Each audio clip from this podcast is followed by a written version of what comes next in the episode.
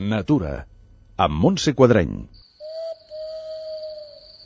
Avui mirarem el cel.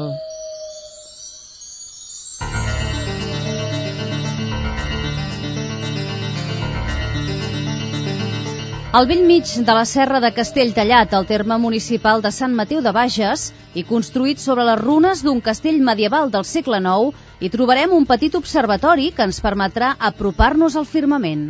L'observatori es va crear arrel dels incendis que van haver-hi a la Catalunya central als anys 94 i 98, que van deixar l'actiu que tenien el, les cases de turisme rural, que era el bosc, el van deixar absolutament devastat.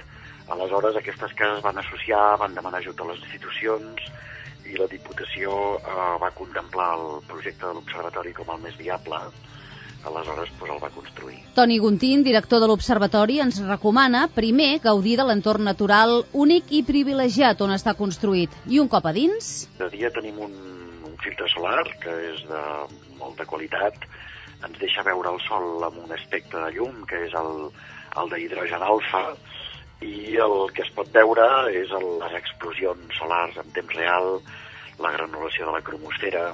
Després el sol també el veiem amb, amb uns altres dos uh, aparells, un és un aparell de projecció i l'altre té un filtre d'espectre de, visual normal, que és amb el que es veuen les, les taques solars. Eh? I de nit? De nit eh, tenim diversos aparells també. Eh, evidentment, quan hi ha lluna, els paisatges de la lluna és una de les coses que impacten més, però també veiem tot el que són planetes, eh? i després nebuloses, galàxies, cúmuls oberts, cúmuls globulars, tot, tot el que és la fauna còsmica.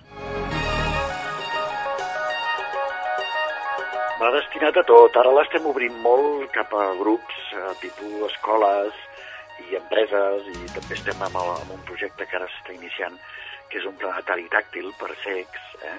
però eh, evidentment està obert a cara al públic. Aleshores és el turisme de la zona o gent que es desplaça especialment a l'observatori la que pot gaudir d'aquestes instal·lacions.